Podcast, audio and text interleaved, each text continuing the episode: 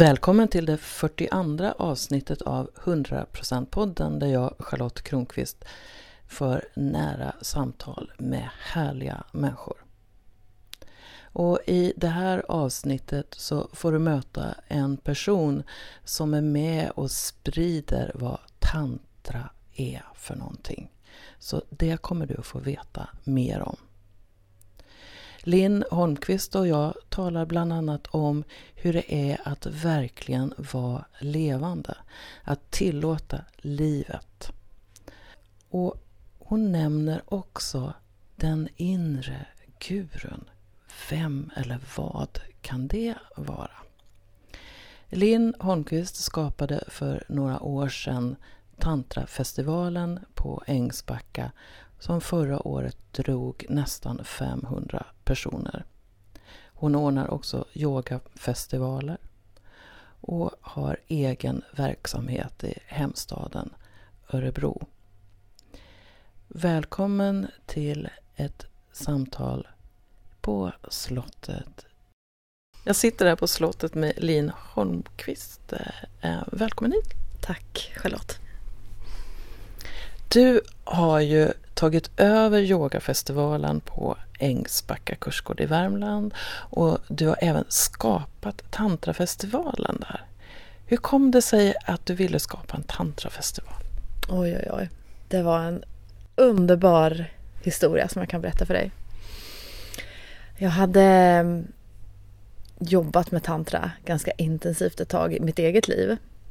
Och eh, jag hade öppnats för upplevelser som var helt fantastiska. Upplevelser utav villkorslös kärlek och insikter som var otroligt djupa och transformerande för mig som människa.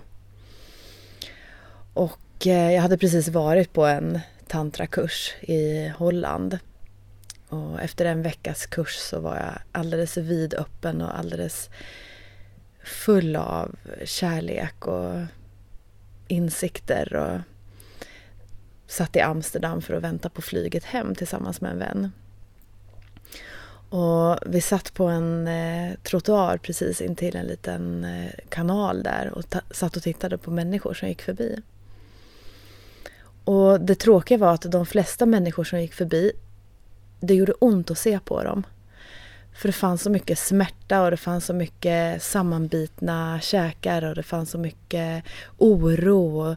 Det fanns så många människor som gömde sig. Nästan alla som gick förbi kände som att de gömde sig. De bad om ursäkt för att de existerade. Eller, eh, en del såg dömande ut, andra såg stressade ut. Och, ja, det, var, det gjorde helt enkelt ont att se många människor som gick förbi.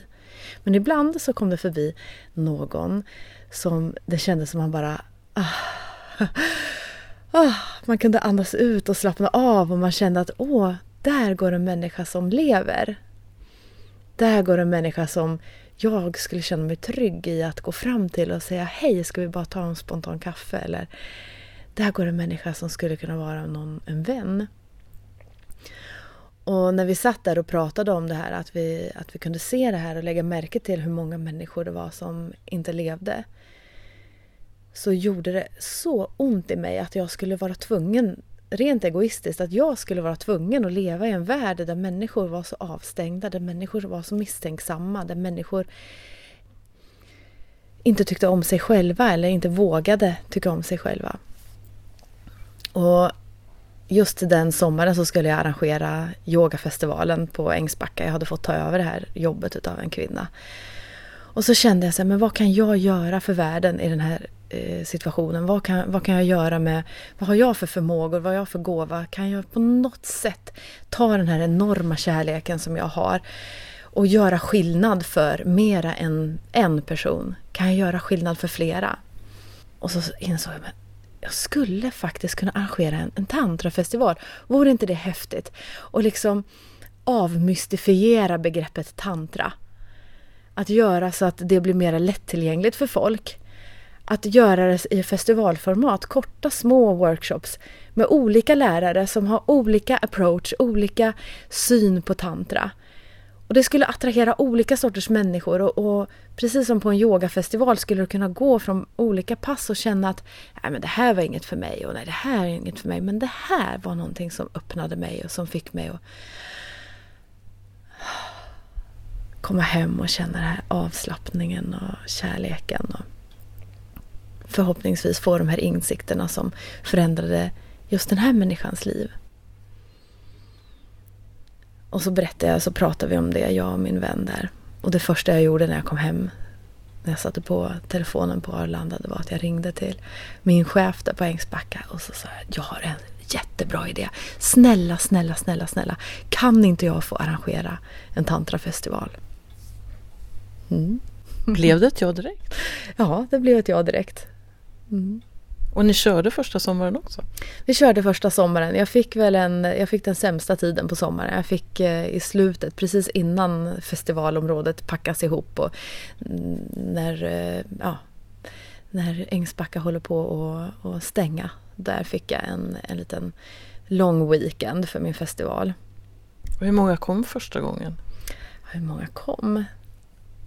Alltså var det lätt att få folk första gången? Eller? Ja, alltså det var ju förvånansvärt lätt men eh, det kanske var, det var väl inte så många, kanske hundra personer deltagare. Eh, och så ett antal, 50 stycken kanske volontärer. Så totalt kanske det var 150 deltagare och en 20 workshopledare och musiker kanske. Och förra året då, hur mycket hade det vuxit till då? Ja, då, det har ju växt för varje år. Så förra året så kanske vi var 450 personer on-site. Ja, och jag var en utav mm. dem som njöt av att vara på tantrafestival. Ja. När du då ska säga till någon som inte vet vad tantra är, vad, vad beskriver du det som? Ja, jag tror att jag anpassar svaret väldigt mycket till vem det är som frågar. För tantra kan vara så himla, himla, himla mycket beroende på vem det är, vem du är. Så för mig är ju tantra någonting som får min värld att växa. Och beroende på hur min värld ser ut så kan ju min värld växa i olika riktningar och olika dimensioner. Så jag pratar väl med bönder på bönders språk och med kungen på kungens språk. Men mång, många i Sverige eller kanske i hela västvärlden, gör ju en, tänker så här, tantra är samma sak som sex, mm. eller tantra sex. Mm. Men för mig är ju tantra eh, mer än det, alltså mm. det är en hel värld, mm. det är en väv, ja, det är något fantastiskt. Men, mm.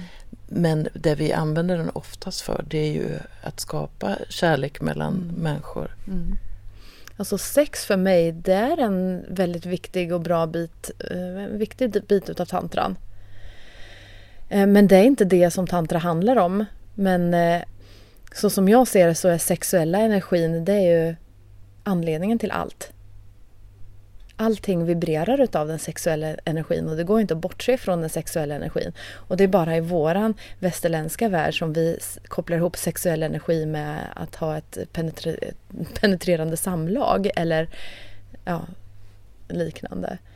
Så för mig, ja visst, tantra handlar om sexuell energi. Det handlar om att se större delar av livet, få en utvidgad perspektiv utav sitt liv och utav universum och vad, vad det här är. Och hur man kommer dit, det kan ske på många olika sätt men ett sätt är att ha ett möte med en annan människa.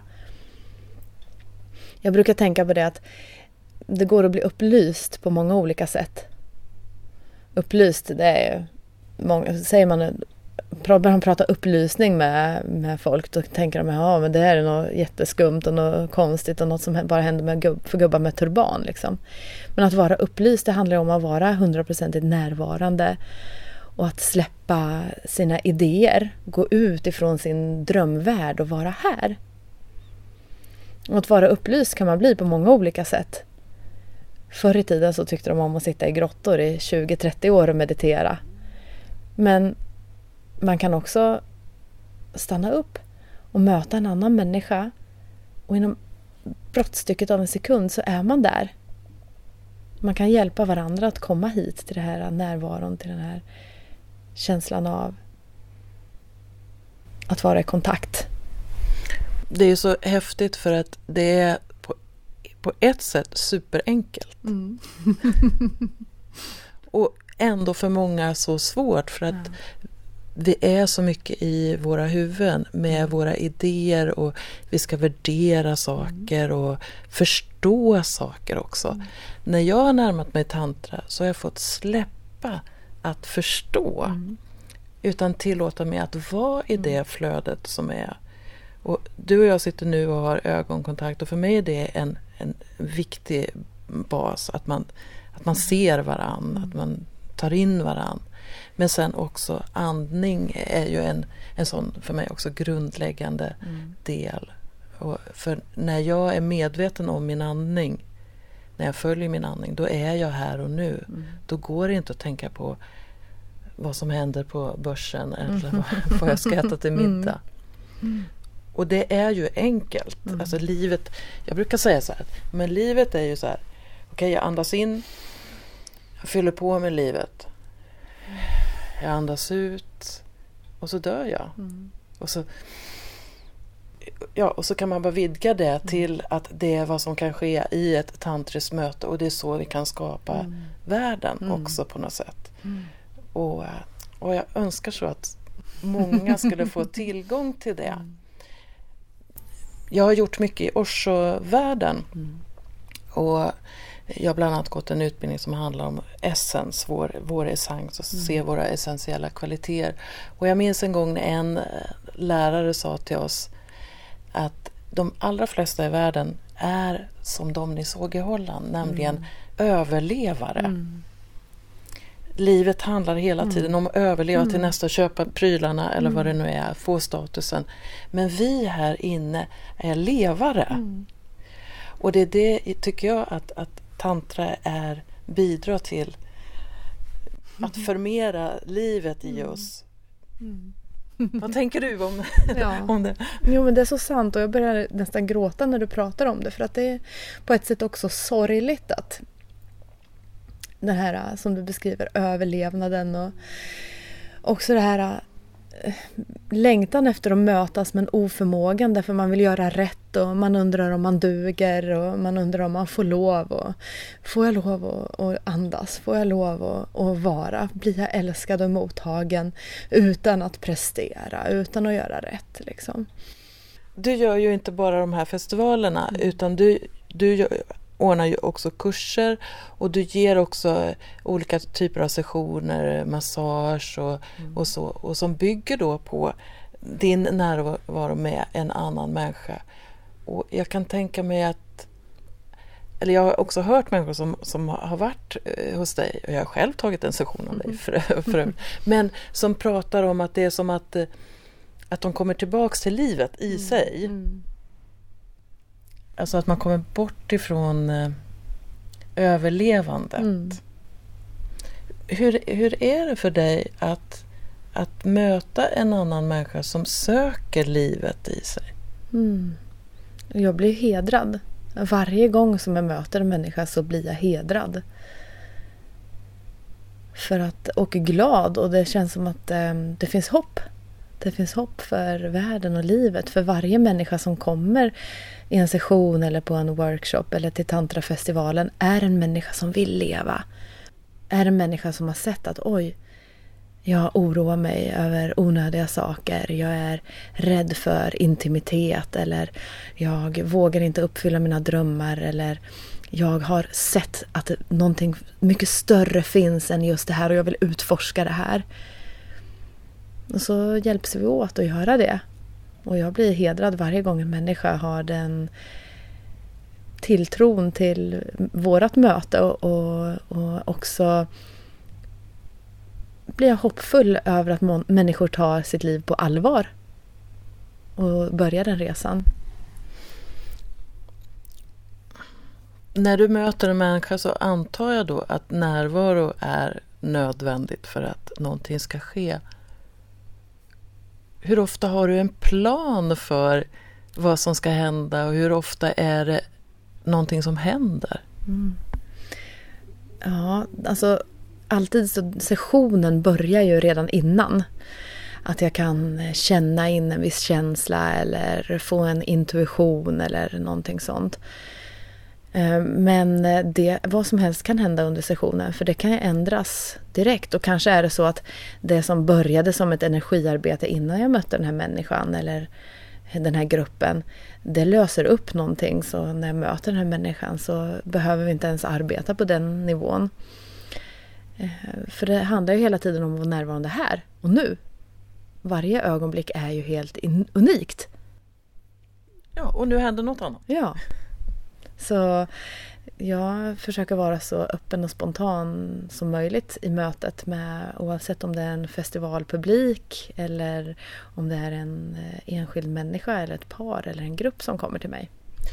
Hur har du tränat upp den här förmågan att lita på din intuition? Ja, hur har jag gjort? Jag är väldigt bra på det. Jag är väldigt bra på att lära ut det här också. Eh, det handlar om att ehm, släppa sig själv. handlar om att släppa vad jag vill. Och att våga göra det. Och jag tror att jag har tränat upp det. Jag har ju varit yogalärare många, många år. Och det, där min, min metod av att lära ut yoga det är att jag har inte något färdigt pass eller jag har ingen färdig plan. Utan jag har låtit mig inspireras av det som händer i rummet. Så jag har i många års tid suttit där på yogamattan och lyssnat. Hur andas de?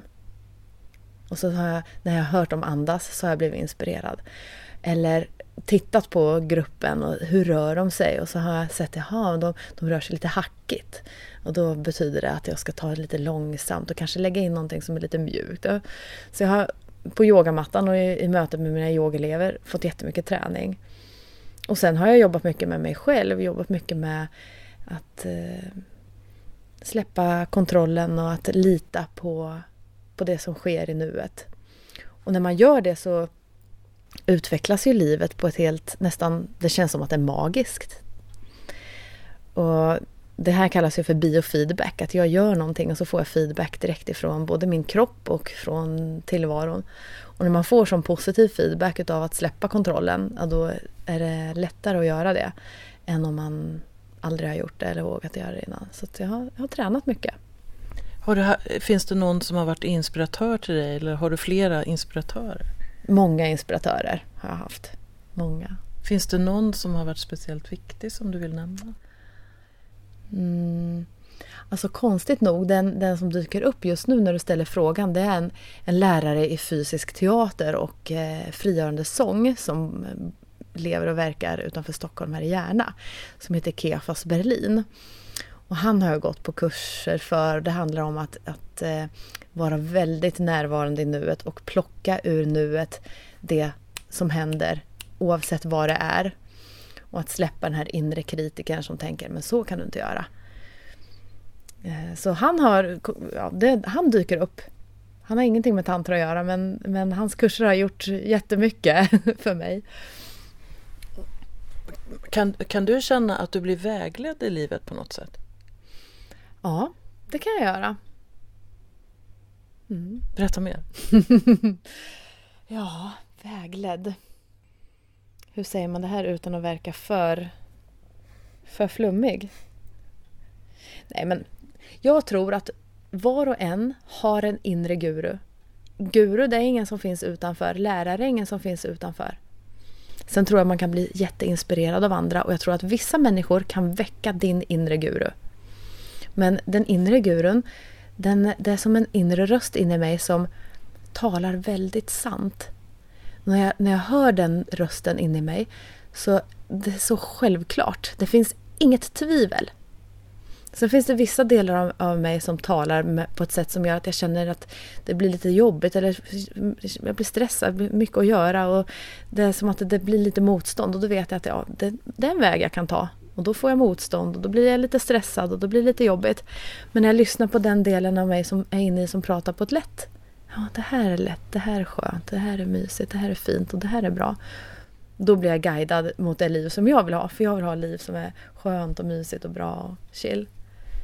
Jag, jag såg för mig som att det fanns en stilla plats inne i dig där den där gurun bor. Mm, jo, så är det. Det är väldigt stilla där. Mm, och den, den kan ge sig till känna på olika sätt.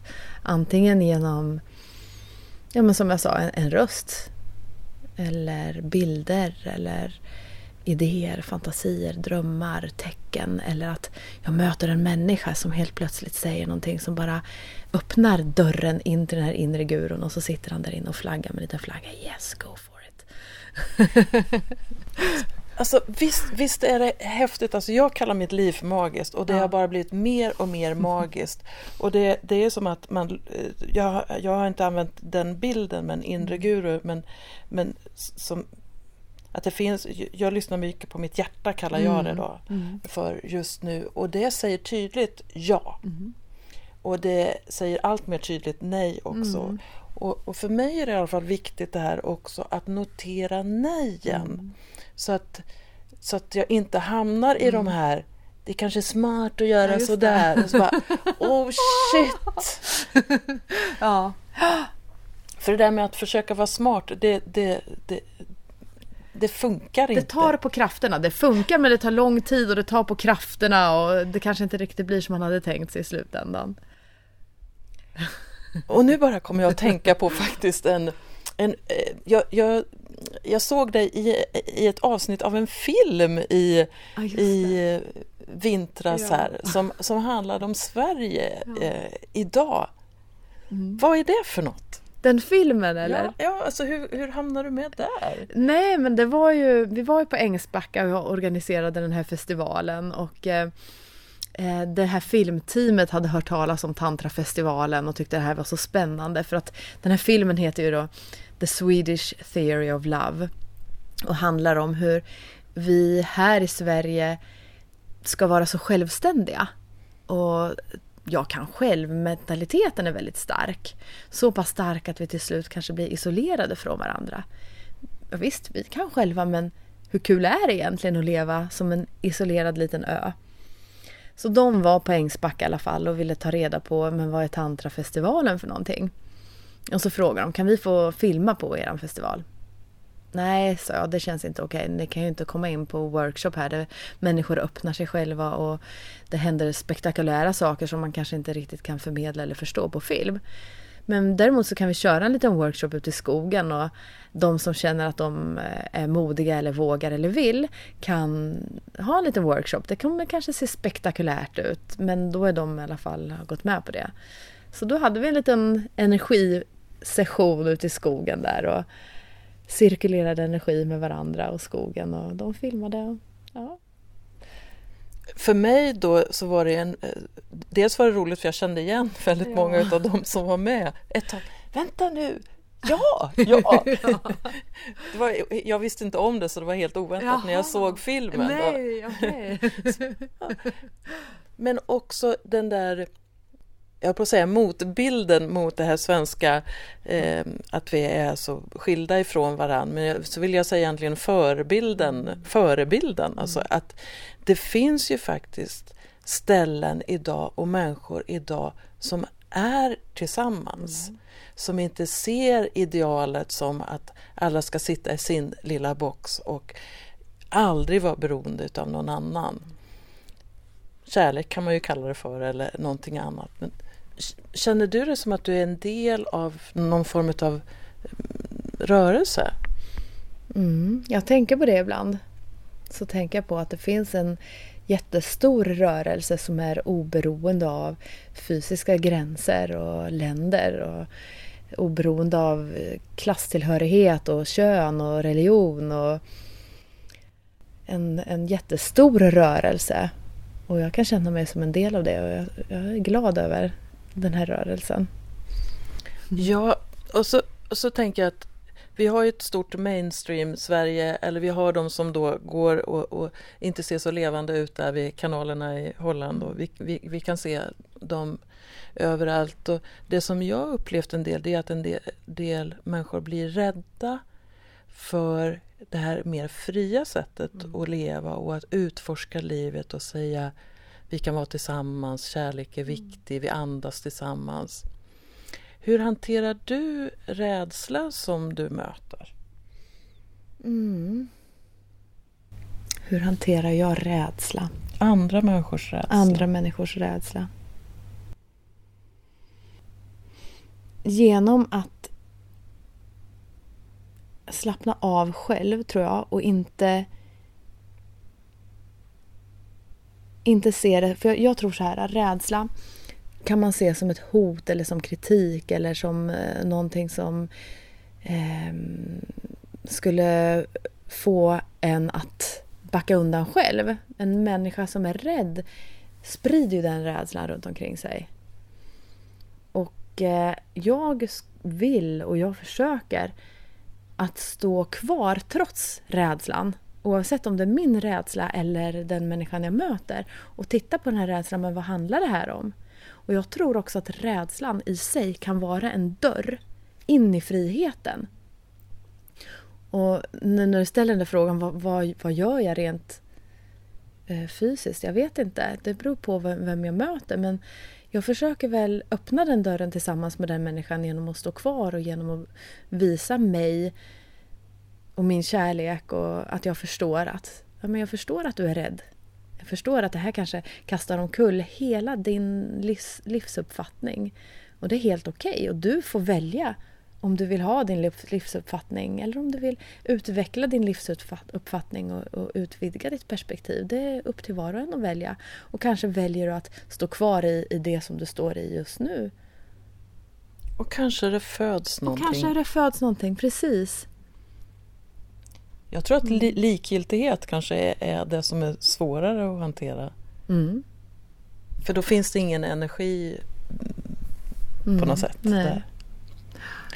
Något som jag har tänkt på det är om vi säger att du kommer in eller du sitter vid ett matbord och sen så är det en sur person, till exempel en tonåring mm. som, som lägger verkligen sordin sådär på stämningen. Mm. Och förut så har jag lagt märke till hur alla runt bordet då eh, går med på, mm. på den här personens sätt att sätta stämningen. Och alla blir lite tystlåtna och så kanske de blir lite extra sura på den som mm. började vara sur. Men så har jag börjat med att istället så att jag tänker inte låta den personen bestämma hur vi mm. ska ha det. Utan om jag är glad, varför ska jag inte kunna vara mm. glad då trots att det är någon som försöker eh, dra ner det? Mm. Så det är ett sätt att mm. hantera det. Mm. Att stå kvar i sin egen ja, sanning, att ja. stå kvar, eh, återigen tillbaka till sin egen inre guru. Men vad säger den? Mm. Den flaggar för kärlek, den flaggar för glädje och den säger men, men stå kvar, du vet ju vad som är viktigt för dig. Du vill inte dras med i någon annans ilska eller någon annans rädsla eller vad det nu andra projicerar. Och det handlar ju om, om den, den människans upplevelse och den människans resa. Och vad det är som har gjort att den människan är rädd, det vet inte jag. Och när du tog det här exemplet med tonåringen så tänker jag men det är ju så typiskt hur människor får feedback på sin rädsla genom att andra människor stänger sig runt omkring dem. Man blir inte inbjuden på samma sätt. Och man får den här världsbilden också av att livet är någonting som är farligt, livet är någonting som är fientligt. Så det är klart att man fortsätter att leva i sin lilla rädda bubbla då tills någon vågar stå kvar i sin glädje och kanske, ja men du får välja ändå. Jag har också varit i den där rädslans bubbla och jag är jätteglad att det fanns en människa som liksom kunde stå kvar i, i sin kärlek och i sin glädje och möta mig i den där rädslans bubbla och säga hej, du får välja. Hur var det att kliva ur rädslabubblan då? Ja, det var otroligt läskigt. Otroligt läskigt. Och fantastiskt härligt och jag kunde inte sova på hela natten och jag, hela min kropp skakade och hela mitt psyke var i uppror. Alltså jag fattade ingenting. Jag var jätteförvirrad efteråt. Och samtidigt så var det som att dörren till den här inre guren hade öppnats med sån kraft så att istället för att den här inre guren var en tyst liten mus som hade suttit och viskat bakom örat så nu satt han där med treud i ena handen och flaggan i den andra och så ropade han ut jag är kärlek, jag är kärlek, jag är kärlek! Wow! Som dörren ja. till ditt hjärta öppnades ja. på vid gavel. Bara så. Ja. Wow. Mm. Men jag gissar att även en sån som du ibland är, känner dig rädd och osäker och liten och så. Vad gör du då? Vad gör jag då? Mm. Då tror jag jag tar ett litet steg tillbaka och eh, låter mig få vara liten en liten stund. Och försöker ta reda på varför jag känner mig sån. Så vad är det som gör nu att jag känner mig liten? Och det är oftast ett mönster, någonting som man har upprepat tusentals gånger genom livet och som handlar om någonting som man har varit med om för väldigt, väldigt länge sedan. Att gå tillbaka till den som man var då eller den som man är just nu när man är i kontakt med det och säga men du, det är lugnt. Vad är det som är viktigast för dig just nu? Ah, fokusera på det istället. du har ju förmånen att ha fått barn med 13 års mellanrum. Ja. Och nu har du en son som inte har fyllt året ja. än. Väcker mötet med honom någonting i dig som har med, med, med dig att göra? Jag förstår inte riktigt hur du menar. Jag menar så här att eh, du har ett litet barn och han är mycket i närvaro och så. Och ibland föreställer jag mig att man är nära sitt barn så kan det läka gamla saker hos mm. en själv för att man är där i närheten med sitt barn. Att det blir som en läromästare. Oh, ja ja, visst, absolut. Man ser ju man ser ju det man inte vill, eller jag ska jag säga, jag ser det jag inte vill ge vidare till honom. Det som jag har hos mig själv som är i form av mönster och i form av ja, mitt förflutna, det som jag inte vill ge, ge vidare till honom. Det blir väldigt klart och tydligt. Och jag och min man vi kan ha väldigt mycket diskussioner runt omkring det och det är väldigt fint att kunna ha det och vara medveten om det. Och eh, också det att ja, men när jag tittar på honom så ser jag ju till mångt och mycket mig själv. Och, ja, men tänk att ha den här nyfödda bebisen. Han, hans kropp är min kropp. Han kommer från mig. Det här är, nyss har det varit en del av min kropp. Och fortfarande än idag så är han väldigt mycket en del av min kropp och jag ger honom mat och vi är som en, en symbios. Och, och det jag känner, det känner han. Så ifall jag är orolig, då blir han orolig. Ifall jag är lugn, då blir jag lugn. Så vi är som, det är som en symbios. Så man ser, jag ser ju mig själv väldigt mycket i honom. Så på ett sätt så får man ju, jag får tacka honom mycket för att han kan ta mig tillbaka till närvaro. Det är ju ett vardagsliv. Även för mig som har tantrafestival och tantrasessioner och allt sånt som verkar häftigt. Så det är ett vardagsliv med att gå till skolan och fixa frukost och den ena räkningen ska behöva talas efter den andra. Att han tar mig tillbaka till essensen av mig. Vad är det som är viktigt då? Vad är det som är viktigt? Kan man säga att han då på ett sätt kan få symbolisera vad tantra är för dig? ja, han är definitivt ett resultat av det. jo, han, han är en liten tantramästare. Visst är det härligt att ja. kunna se på ett barn ja. på det sättet? Men jag ser många människor, du är min tantramästare också, många människor är mina tantramästare. Det är fint. Det är som att världen blir på ett sätt vänligare när det går att se det, att, att det finns människor som bärs av kärlek mm. eller tantra, eller hur du vill uttrycka mm. Om vi tänker oss att någon lyssnar på det här samtalet mellan oss och som inte har öppnat dörren till sitt hjärta och som är kanske går spända i kroppen mm. och så. Vad skulle kunna vara en första liten sak som de skulle kunna göra för att i alla fall knacka på dörren mm. in? Om jag var en lyssnare som går runt och är spänd i kroppen och rädd. Då skulle jag bestämma en dejt med mig själv. Och så skulle jag ta mig själv till en plats som var lugn och skön och fin och vacker att vara på. Och så skulle jag sätta mig där en, en stund utan tidspress. Och så skulle jag kanske blunda en liten stund. Och så skulle jag ta några andetag in i hjärtat. Tills att jag landade där.